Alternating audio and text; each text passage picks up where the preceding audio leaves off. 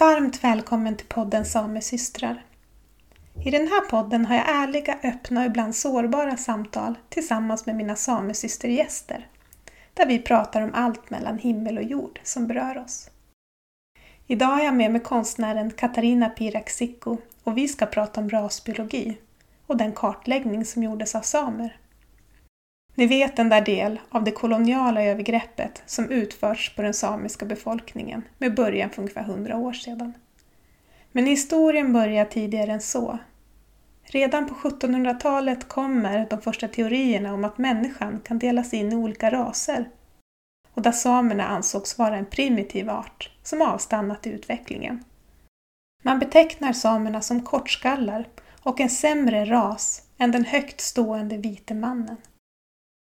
Tankar om rasbiologisk forskning och rashygien började ta vid i slutet av 1800-talet och 1922 bildas ett organ specifikt för detta, Statens rasbiologiska institut. Det bildas på initiativ av bland annat Herman Lundborg och han blir även den första föreståndaren. Han påbörjar den stora kartläggningen av samerna för att finna bevis för det hot den samiska rasen utgjorde för den vita rasen. Hur farligt och förödande det skulle kunna bli om dessa raser beblandar sig. Om detta pratar alltså jag och min samesyster Katarina om, men även om hennes konstnärskap kring rasbiologin och hur hela den här resan varit för henne. Trots att ämnet är relativt tungt i sig så är det ett mycket varmt och lättsamt samtal och jag njuter från början till slut. Jag är helt övertygad om att det har att göra med den fantastiska person Katarina verkar vara. Följ podden Samesystrar på Instagram och Facebook och skriv gärna en recension på iTunes om ni gillar podden. Det gör att fler hittar den. Och med det sagt så önskar jag er alla en trevlig lyssning.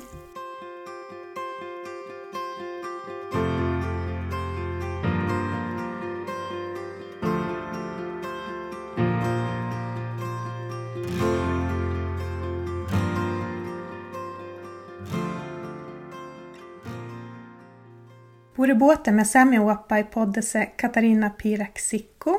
Kiito. Ja, jag har bjudit med dig idag i podden för att jag vill prata om rasbiologi med dig mm. och annat som ligger dig nära hjärtat. Mm. Um, och jag vill bara börja och erkänna för dig och för alla lyssnare att jag är en sådan som faktiskt inte har vetat så mycket om det här. Och heller inte om den, det koloniala övergreppet och allt liksom som rör oss samer. Så att det, eh, det är något som jag fick upp ögonen för när filmen Sameblod kom. Precis som kanske hela det svenska folket och världen också. Så att eh, jag är där. Jag har lärt mig mycket, mycket mer idag. Mm. Mm. Men innan vi går in på det så vill jag placera dig på kartan. Så du får jättegärna berätta vem du är. Jag heter Katarina Pirak Sikko. Jag är, jag är gift Sikko. Eh, så att min man heter Nils-Henrik. Och vi har två barn. Vi har en dotter som heter Maridja och så har vi en son som heter Nils-Ano. Och mamma kommer från sydsamiskt område. Hon var en Clemetsson innan hon gifte sig med pappa och min pappa eh, är ju från, var från Jokkmokk. Och han var också konstnär. Min mamma hette Astrid och min pappa heter Lars.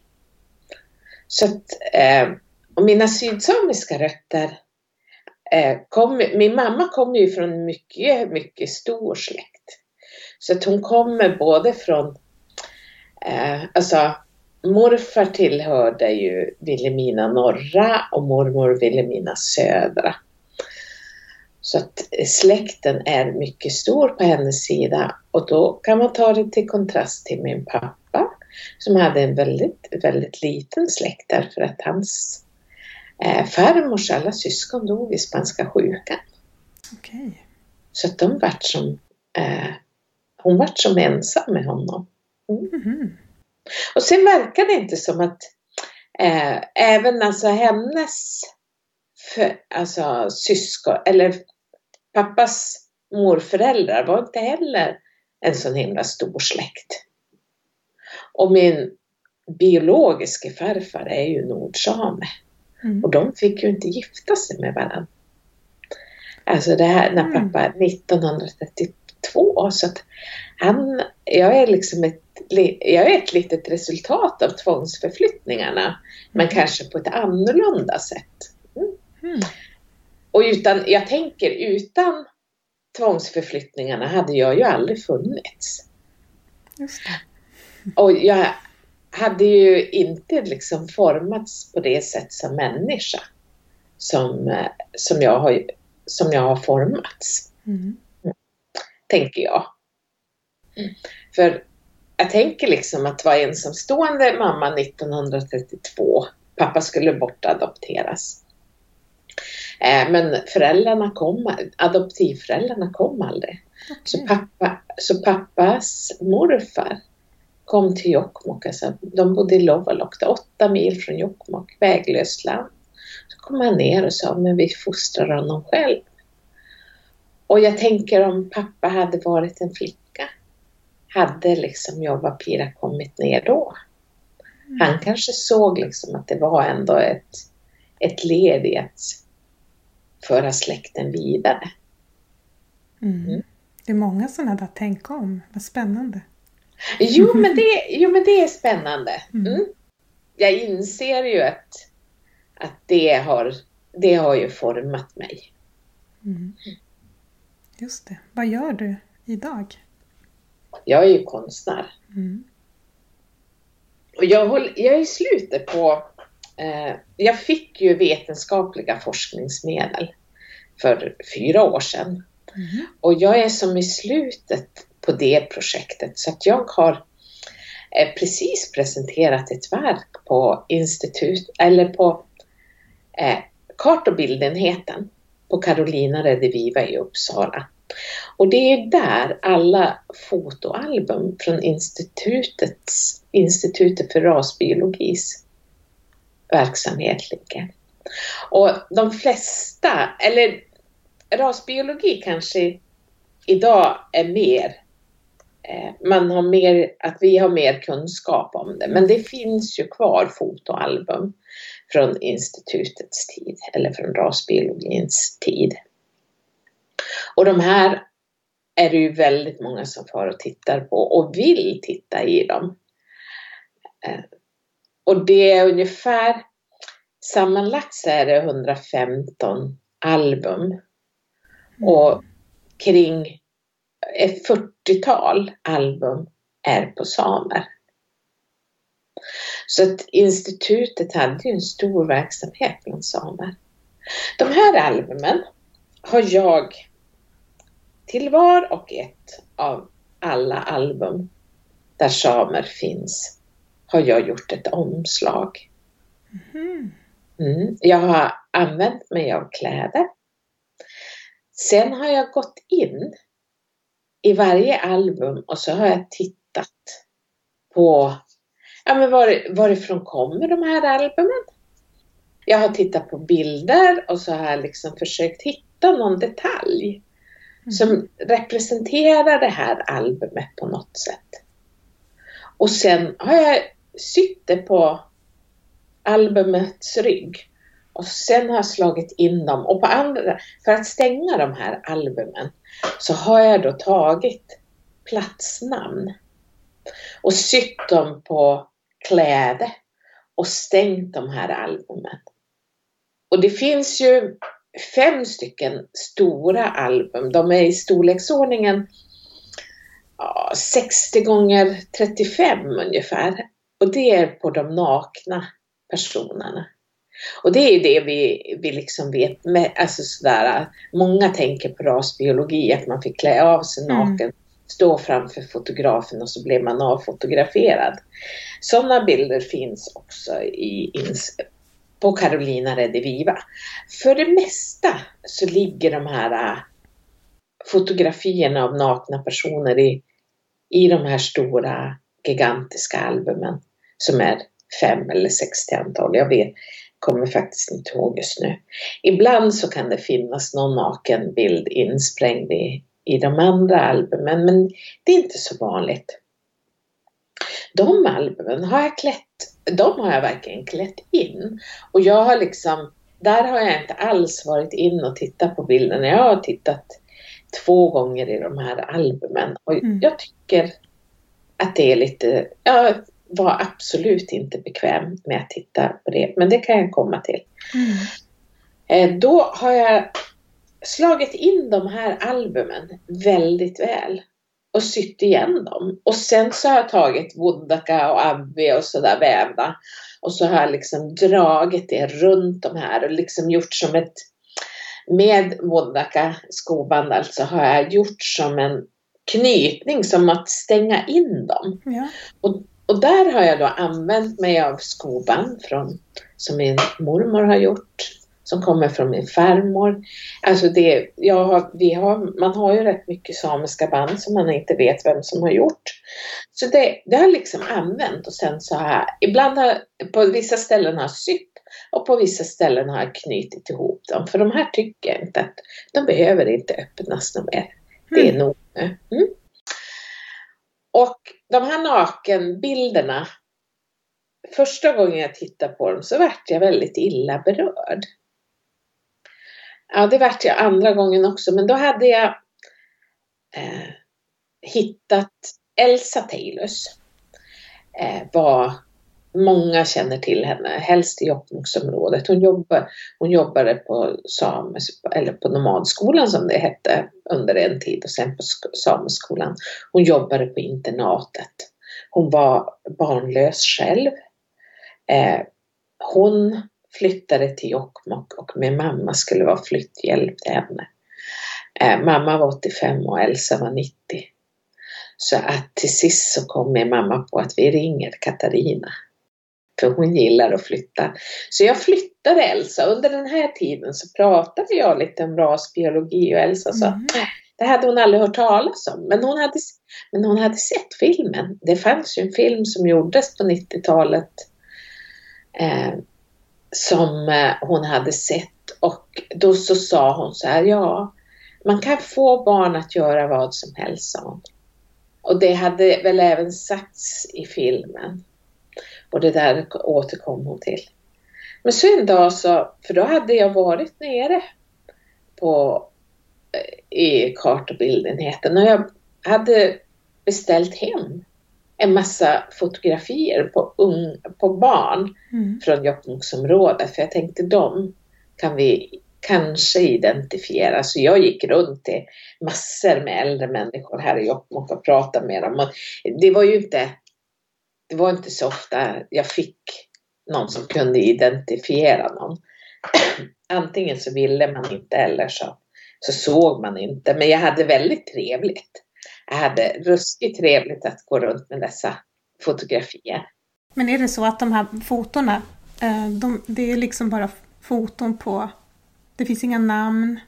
Det finns inga namn. Det finns ju då fotografier. Ofta så är det då, eh, det kan vara en fotoserie på tre foton. Det är rakt framifrån, lite från si, alltså eh, en profilbild och sen så håller du ansiktet lite snett sådär. Mm. Och under varje fotografi så finns det ett nummer. Mm.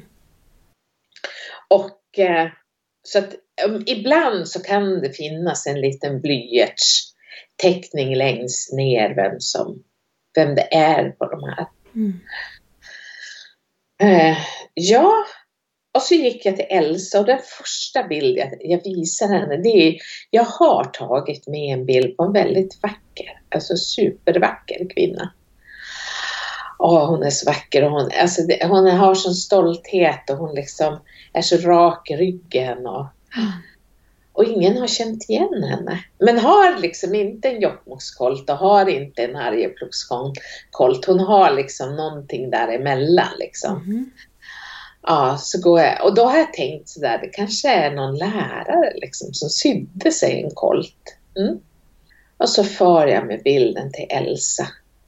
Och så säger hon så här, men det där är ju faster Anna. Och då berättar Elsa för mig, hon har ju träffat rasbiologer. Mm. Hon har till och med träffat dem två gånger. Oj. Och hon kommer ihåg vad, vad hon hette, hon som mm. rasbiologen som kom. Och, ja, så jag fick ju liksom hela historien och då där Elsa berättar hur en undersökning gick till och det är det enda vittnesmål jag har på en, hur en undersökning gick till. Och det är ju då, alltså de fick, de flera, många har väl sett sameblod, mm. men där tror jag att hon står naken framför. Mm. Ja. Och så fick de väl eh, göra. Men Elsa liksom kunde visa med med händerna liksom hur de man satte eh, de här mätinstrumenten. Och... Men vi åkte ut till, till sameskolan där nomadskolorna alltså, fanns utanför Jokkmokk i Väikör. Jag förstår inte varför jag inte åkt dit tidigare, men vi åkte dit, jag och Elsa. Så när vi står där vid sjöstranden, det är nomadskolan låg i Vaikeor utanför Jokkmokk. Mm. Så säger hon så här att vi frös då de skulle fota oss nakna och vi stod på led. Mm. Så den historien hade jag med mig andra gånger jag tittade i, i, i de här nakenalbumen. Mm. Och det var inte trevligt.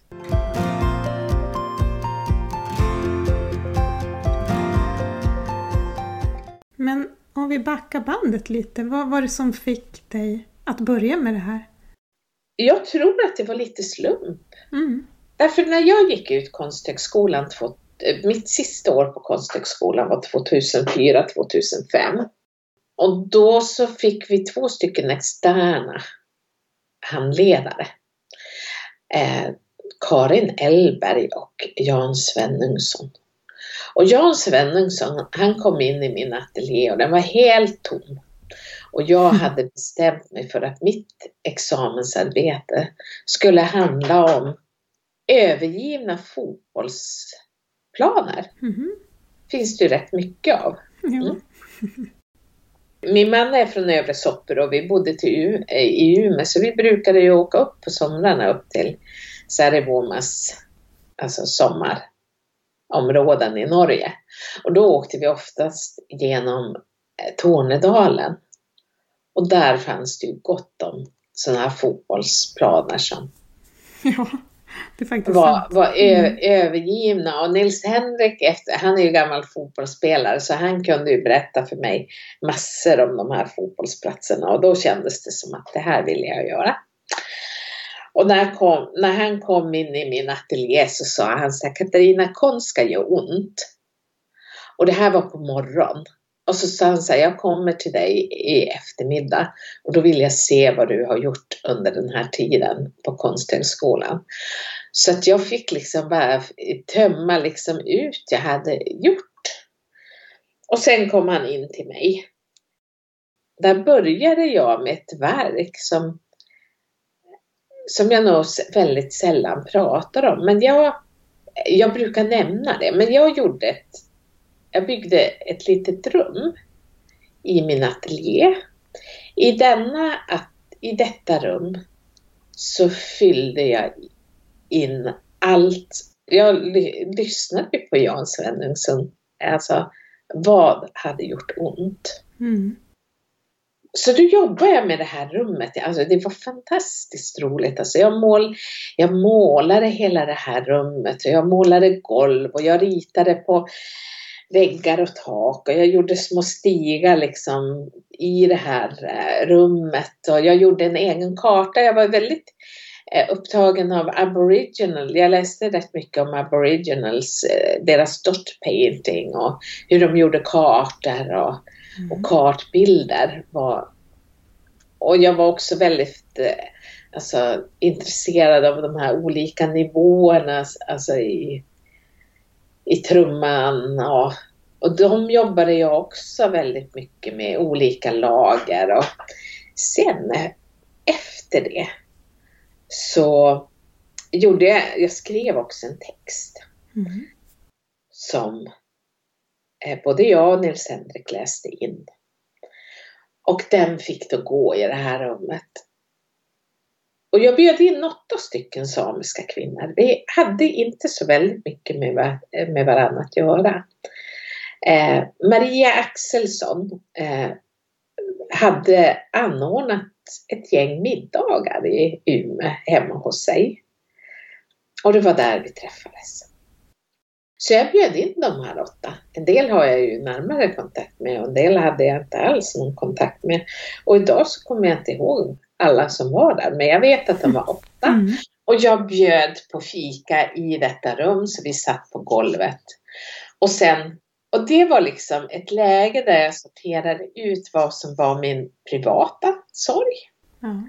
och vad var en sorg som vi delade som samer. Och här hade liksom hela det här kunnat stanna om det inte var för Maria Axelsson som fick reda på att mätinstrumenten fanns på eh, forskningsarkivet i, på Umeå universitet. Mm. Så vi får upp och vi prövade att mäta oss själva. Och i det läget så kände jag att det gjorde ju, alltså undersökningen, Mm. Den fysiska undersökningen, den är inte, den gör inte fysiskt ont. Så då måste det ju vara något annat. Och vad är detta annat? Och i det här, det här rummet som jag byggde hade en fråga som var central och det var kan sorg ärvas? Ja. Ja. Mm. Och det var där jag började. Och det var ju för de här mätinstrumenten och eh, kunskapen om att det inte var en eh, fysisk smärtsam process. När jag hade min examen så var det faktiskt en, vi hade inbjudna kuratorer och då sa hon om mig, Katarina, du har hittat alltså ditt livs, din livsfråga. Och jag tänkte att, alltså så fel, för jag hade gjort två verk då. Det ena verket tycker jag är helt, alltså det är nog ett av de bästa verk jag någonsin har gjort. Jag är så fortfarande ruskigt stolt över det. Mhm.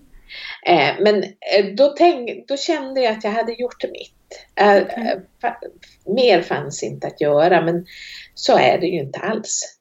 Alltså, och jag tror, trots att jag... Alltså, med det här verket jag börjar berätta om så har jag... Så känner jag väl kanske att jag... Åtminstone för tillfället har jag gjort ett litet avslut på det. Men jag är inte säker på att jag slutar på med det. För det, alltså, det kan nog komma fler. Men albumen, att gå ner till albumen och titta på de här fotografierna. Mm. Eh, där tror jag nog att jag kanske är färdig. Mm. För att jag är inte så intresserad av det mer.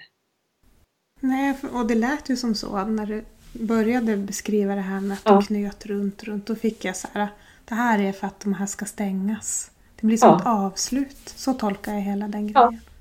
Men eh, då tolkar du den helt korrekt. Mm. För att det känns lite som så. Och jag tänker att de här fotografierna på, som ligger där, alltså de är ju så otroligt ambivalenta. Därför att de är ju, det är fotografier från 20-talet. Det är alltså, jag vet många som har hittat sina släktingar där. Och man har kunnat identifiera släktingar via att man har, har känt igen något släktsilver som man har. Mm. Sådär. Mm. Och sen så är de här fotona också tagna före, alltså jag tror att vi, att den samiska dräkten eh, liksom tar samma utveckling som folkdräkten gör. Mhm. Att, att den börjar styras upp med rätt mycket regler och, och sånt på 40-talet. Då man börjar, och, och här kan man se väldigt mycket variationer. Är man intresserad av att sy kolt, då är det här materialet en guldgruva för att man ser så otroligt mycket som man inte ser. Och det tänker jag är väldigt viktigt. Alltså, även om de här fotografierna togs under, alltså om man tänker på i vilket syfte de togs, mm. så känns det inte bra. Men det är att de finns kvar och att vi har dem kvar. Mm. Och att de är liksom ett sånt viktigt tidsdokument. Så gör det att, att fotografierna blir väldigt ambivalenta. Mm.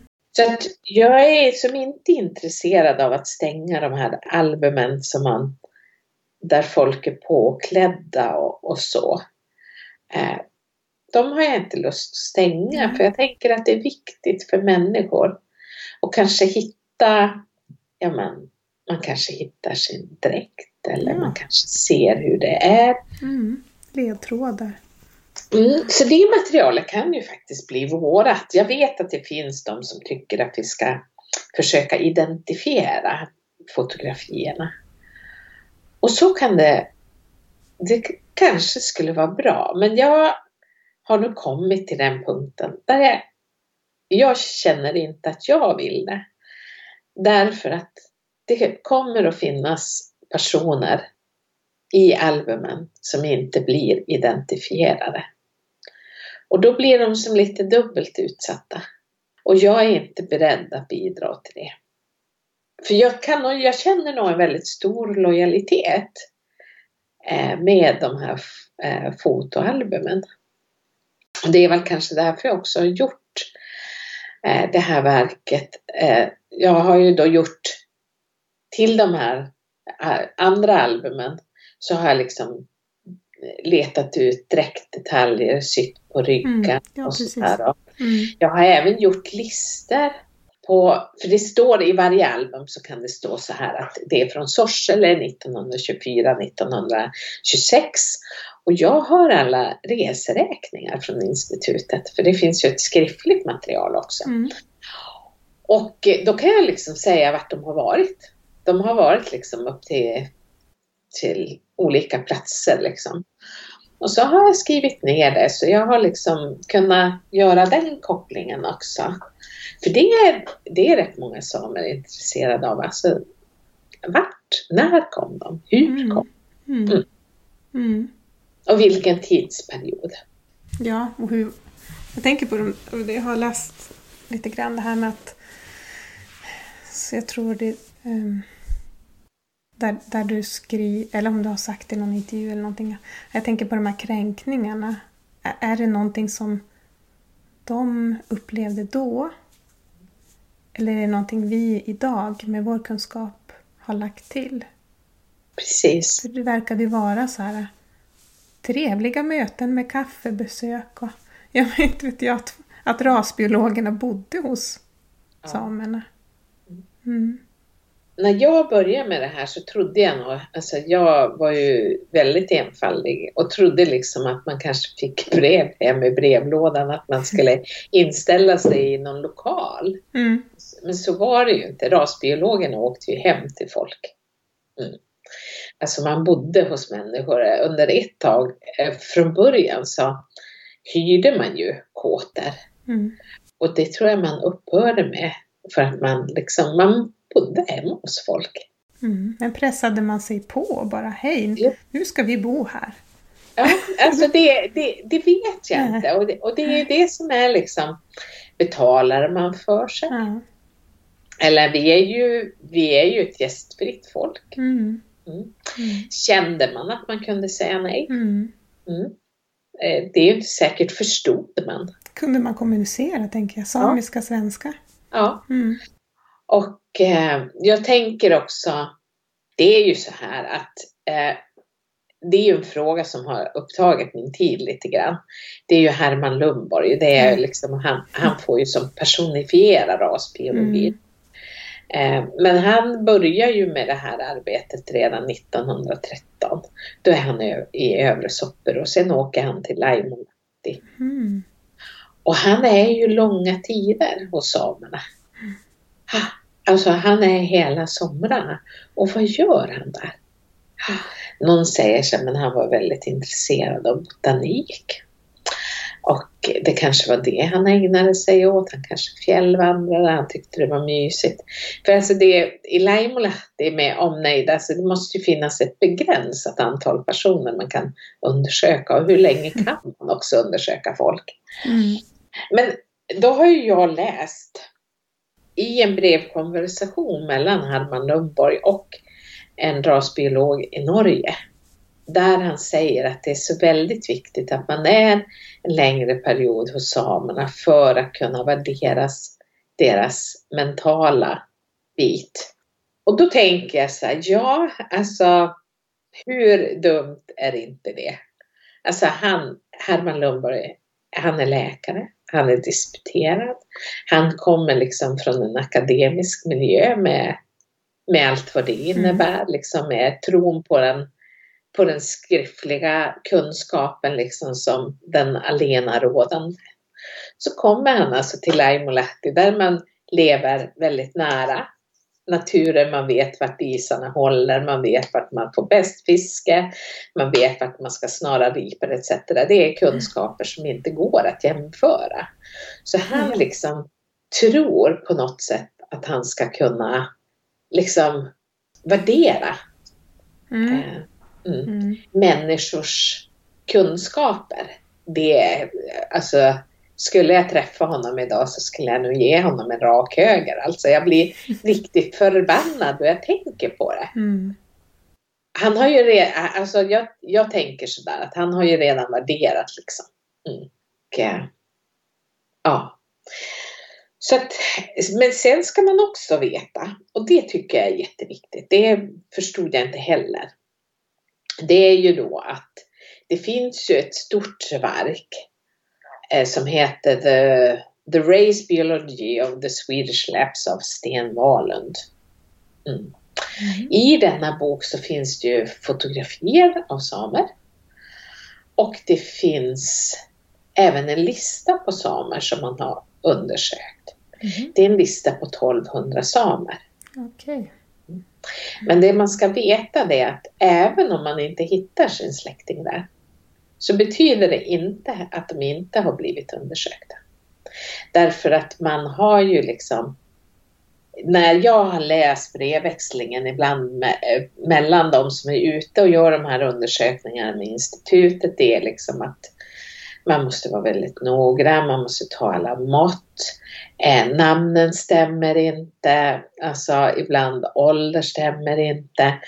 Och då när de har kommit in från, från de här expeditionerna, så ibland så går det ju massor med brev upp till pastorsexpeditionerna och liksom med fotografier och så säger de så här, vem är det här? Vill ni, vill ni liksom ta om de här måtten etc.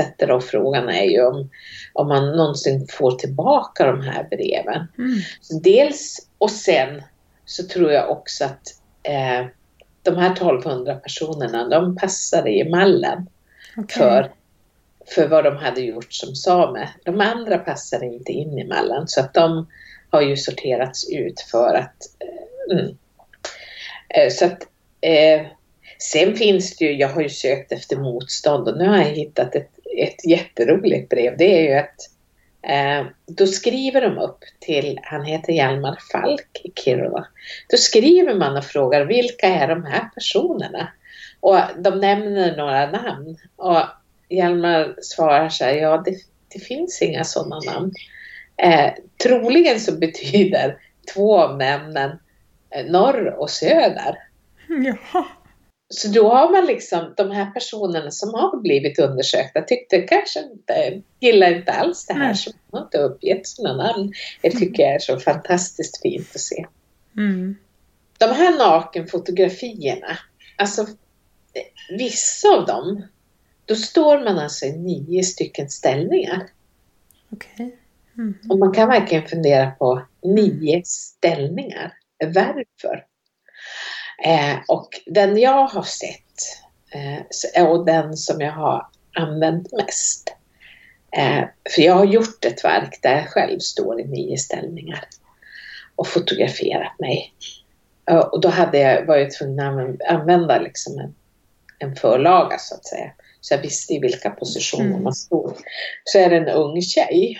Och jag tänker ibland, eh, var det en kåt fotograf som ville se så mycket av mig? Mm. Mm. Mm. Det, det vet jag ju inte men alltså man blir ju som elak ibland när man ser de här bilderna. Man har svårt att hålla sig sådär lite neutral. Ja, jag förstår det. Och jag tänker även, alltså det är väl klart det fanns folk med sjuka föreställningar och ja, fetischer och, och, och läggningar på den tiden också. Det, Mm. Alltså det har ju alltid funnits. Kanske, kanske du har en, en poäng med Ja. det liksom. Så jag kan liksom, Mm. jag har svårt att förstå liksom de här nio positionerna. Vad skulle det, vad skulle det liksom leda till? Mm. Det finns liksom ingen rimlig förklaring i dem. Så att, nej. Och det kan ju inte ha varit trevligt. trevligt. Nej, nej. Mm. Mm. Mm. Och sen tänker jag så här, man visste inte vad rasbiologi var. Man visste ju inte vad det ledde, kunde leda till. Och det har vi ju facit på idag, vad det ledde till. Och det känns ju väldigt skrämmande att tänka på att vi var så väl kartlagda. Mm.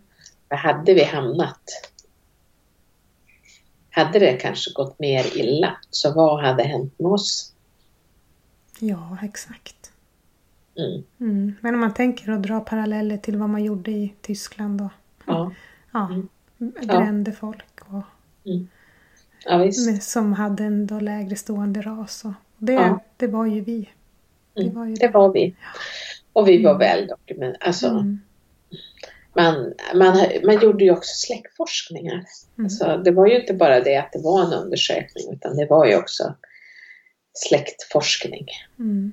Mm. Jag får ändå säga, jag tycker det är svårt att få ihop bilden för att det här med Herman Lundberg, om vi tar han som exempel, som ändå var så mycket tid bland samerna och Mm. för att det, mm, dokumentera och, och lära sig, eller vad han nu gjorde. Mm. Det Mm. blir som en... Och samtidigt med alla mätningar och kontakterna med Nazityskland och rasbiologin där och, och allt det här. Eh, Alltså det är jättesvårt att få ihop bilden. Vad var, vad var syftet? Var han bara sjuk i huvudet eller var liksom... Ja. Ja, det är liksom, ja vad var Mm. syftet då? Och, eh, mm, Mm. det vet jag ju inte Nej. riktigt.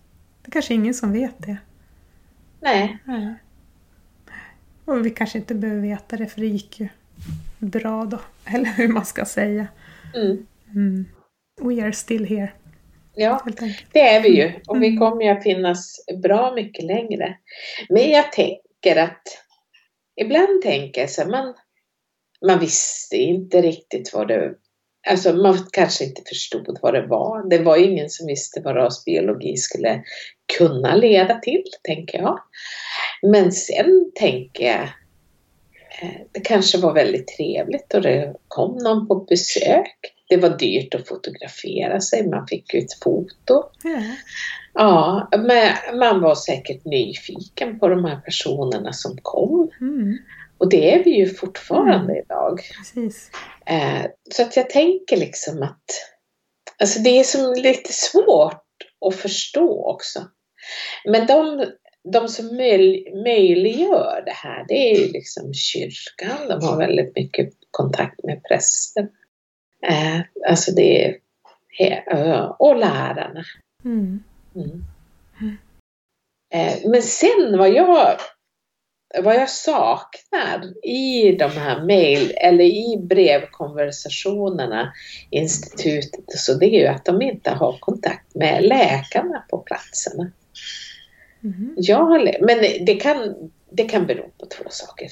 Det är att jag inte känner till vilka som är läkare på de här platserna. Eh, så det kan finnas sådana här brev. Alltså det, jag tror att det, det är någon läkare har man haft kontakt med men jag ser aldrig att det kommer brev till institutet från provinsialläkarna. Eller att man skriver till dem. Och då kan jag fundera på varför gjorde man, gjorde man så? Mm. Och eh, det och rasbiologerna åker ju som på samlingar, man åker till marknader som är, så man vet ju precis när man ska, Mm. ska fara iväg. Mm. Och eh, i, eh, alltså de har ju också mycket kontakt med nomadskolinspektören Erik Bergström. Och han berättar ju eh, då och då är, är det stora helger och där samlas många. Mm. Det som jag är lite nyfiken på, det är ju då att de åker till, visst heter det Valbo lappkapell? Ja. Ja, Mm. de åker dit Mhm. och eh, då så de, de hyr ju in även fotografer på plats. Så, Exakt. ja. Mm. så att vi har ju liksom Bormesh har jobbat för dem, Westfeldt har, jobbat för dem och även Nils Tomasson.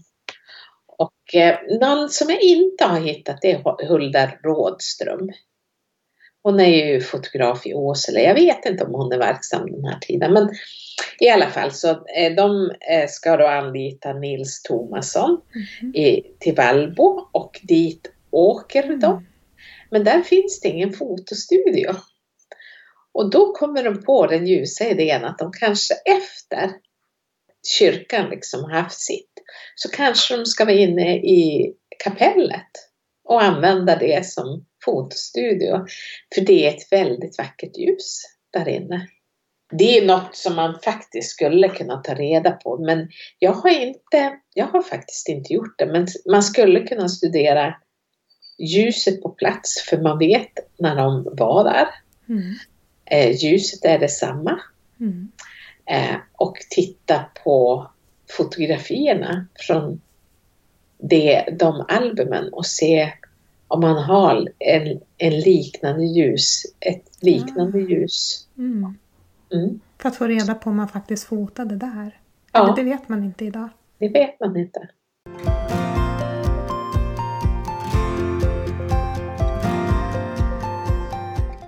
Jag tänker, jag vill eh, komma tillbaka till det här med eh, om sorg kan ärvas. Ja. Vad, vad har du kommit fram till där? Jo, har jag kommit fram till. Mm. Jag kan det. Absolut. Och jag, och jag tror ju att, att det vi, våra tidigare generationer har, har upplevt klart att det sitter i oss. Mm. Och det är väl därför jag tycker att det här är lite viktigt att, att titta på. Mm. Och det är väl därför jag har drivits av att eh, gräva i det här arkivet. Eh, För att jag på något sätt har velat jag har velat ha kunskap och jag tror att med kunskap så kan man komma vidare. Mm. Alltså, och också på något sätt förlika sig med, Mm. med tanken. Och det här verket jag gjorde, det känner jag, för mig själv i alla fall, var rätt, eh, det var en process där jag gav väldigt mycket omsorg åt de här albumen och även personerna i. Det är ju svartvita fotografier och då, det är så lätt, alltså vi ser ju inte världen svartvit. Våra minnen är ju också i färg. Mm. Och då att liksom sätta på de här färg, alltså sätta på färgen på utsidan, klä in dem i ylletyger kändes väldigt bra. Och gör ju att personerna känns mycket mer levande. Mm. Men kan du känna inom dig att du liksom har gått igenom det måste ju vara en väldig resa, tänker jag. Jo men det, det känner jag. Jag känner att det har varit en enorm resa. Mm. Och på något sätt så är det som att mycket har släppt inom mig. Alltså jag har ju varit väldigt arg och den där ilskan har liksom börjat, den har som omformats. Om man tittar på mitt första verk som jag ställde ut, alltså det verk som jag gjorde 2005, jobbade jag med blod, krossat glas Mm. och, och sådana saker. Och idag så håller jag på och syr och, och klär in. Så att Mm. jag tänker att den har omformats. Men det kanske också har med min ålder att göra. Att man på något sätt förlikar sig. Eller att man ja, ja, men förlikar sig med det, accepterar det som har hänt och att jag vill verkligen gå vidare. Jag vill inte leva med de oförrätterna som har skett mot mina tidigare generationer. De vill jag som blir lite av med. Mm. Jag kan ibland tycka att den, alltså, den samiska historien kan ofta vara väldigt sorglig. Och jag skulle vilja komma ifrån den här känslan av sorg. Mm. Mm. Har du påverkat andra runt omkring dig? Ja, men det är väl det man hoppas som konstnär. Det är ju därför man är konstnär. Det är ju liksom en av de, de grejer som man... Eh, alltså man vill ju att det man gör ska påverka andra. Och då jag har ju ett väldigt lågt målställ. Bara jag berör en så är jag nöjd. Mm. Mm. Eh, men jag tror inte att mitt, mitt konstnärskap liksom eh, har varit förgäves. Det tror jag inte. Men det kanske man, det kanske jag också behöver tro för att kunna fortsätta med det. För det är ju ett, ett yrke där man är väldigt ensam och måste ha ett eget driv. Jag arbetar ju inte Idag är det ju så väldigt vanligt att man ska jobba i grupp och man ska teamnät, vad heter all, alla sådana där vackra ord. Jag håller ju inte på med sånt eh, eh, för att jag är rätt dålig på det och vill inte heller. Och då när man är så här ensam så tänker jag att då måste ju drivet vara, vara mitt eget. Alltså jag är min egen motor och eh, inte och drivkraft, alltså människors input är ju väldigt roligt att få men det kan inte vara det jag, jag ska sträva efter. Eh, men det är svårt ibland och det är jobbigt och det är liksom... Mm. Ja, och sen även det här som konstnär eller som någonting, om du gör någonting som andra ska beskåda. Mm. Jag kan känna med den här podden, det är liksom för varje avsnitt så jag lägger ut mitt, mitt hjärta, min själ till ja, att folk kan göra precis vad de vill med det för att det, det är liksom en del av sig själv. Det måste ju verkligen vara så för dig också. Mm. Och där har väl jag hittat en, en taktik att jobba med. Och det är, det, alltså, verk som ska visas är jag ju färdig med i rätt god tid innan de ställs ut. Det är bara ett verk som, som jag faktiskt har blivit färdig med i princip två timmar före jag skickade okay. iväg det. Men för det mesta mm. så är mina verk färdiga en god tid innan de ska visas. Och det beror på just det här att de är mina bebisar ja. och vi tar adjö av varandra. Ja, just det. Ja. Mm. Sen har jag ju också, jag brukar ju göra installationer på plats, men det är en helt annan sak. Det är liksom en helt annan, det är liksom en process som man vet att man ska gå igenom och det är väldigt roligt att göra. Och betraktaren vet också att det här är något som, som har gjorts liksom under liksom en kort tidspressad period. Så det är ett annat sätt att jobba på som är väldigt roligt. Mm. Och jag har jobbat, prövat med performance och det är ta mig fan det roligaste jag har gjort. För det är, verkligen, det är verkligen att vara i stunden. Ja. Ja, ja verkligen. Vad häftigt. Mm. Mm. Jag svor nog. Jaha.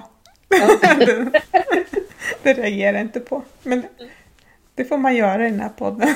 Ja. Om det behövs. det är fler som har gjort det. Mm. mm.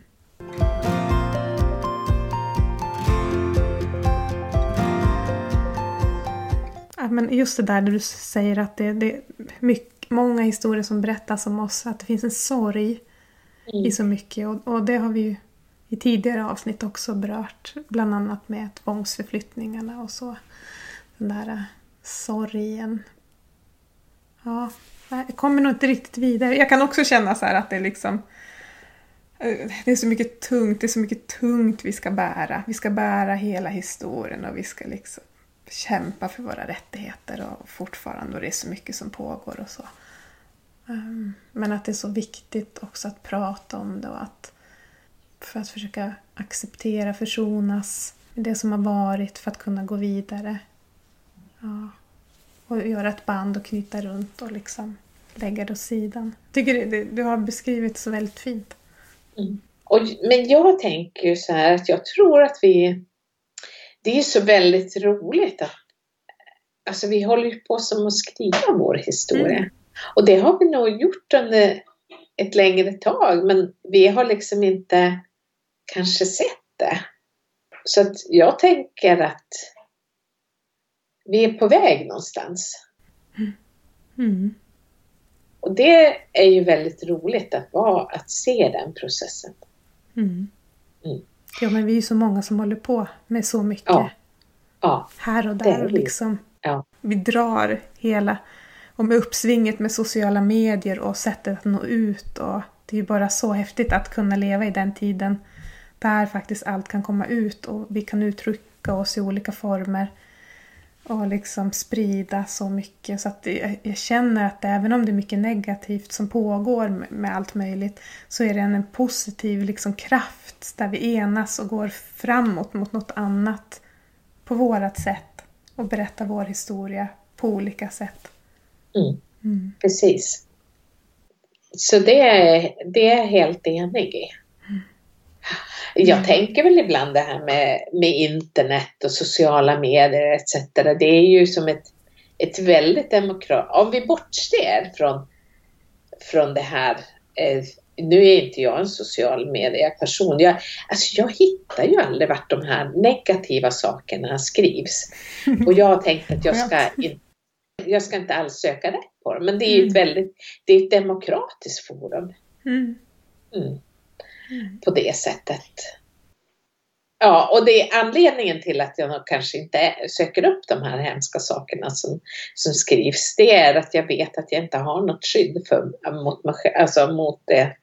Mot det liksom. Så att det är, det är nog därför jag inte är där. Men jag ser att det är ett, det är ett verktyg som, som är väldigt demokratiskt. Mm. Mm. Ja, det är sant i den här delen av världen för oss. Ja, mm. ja mm. precis. Och hanterar vi det så kan det bli jättebra. Mm. mm. Är det någonting du känner att du vill, det här behöver jag säga? Nej, det tror jag inte. Inte just nu i alla fall. Nej. Sen skulle jag, eh, alltså det finns ju jättemycket mer att berätta om ja. bra men nej. Mm. Då får jag tacka så mycket för mig för att du ville vara med och berätta. Ja, tack själv. Det var jätteroligt.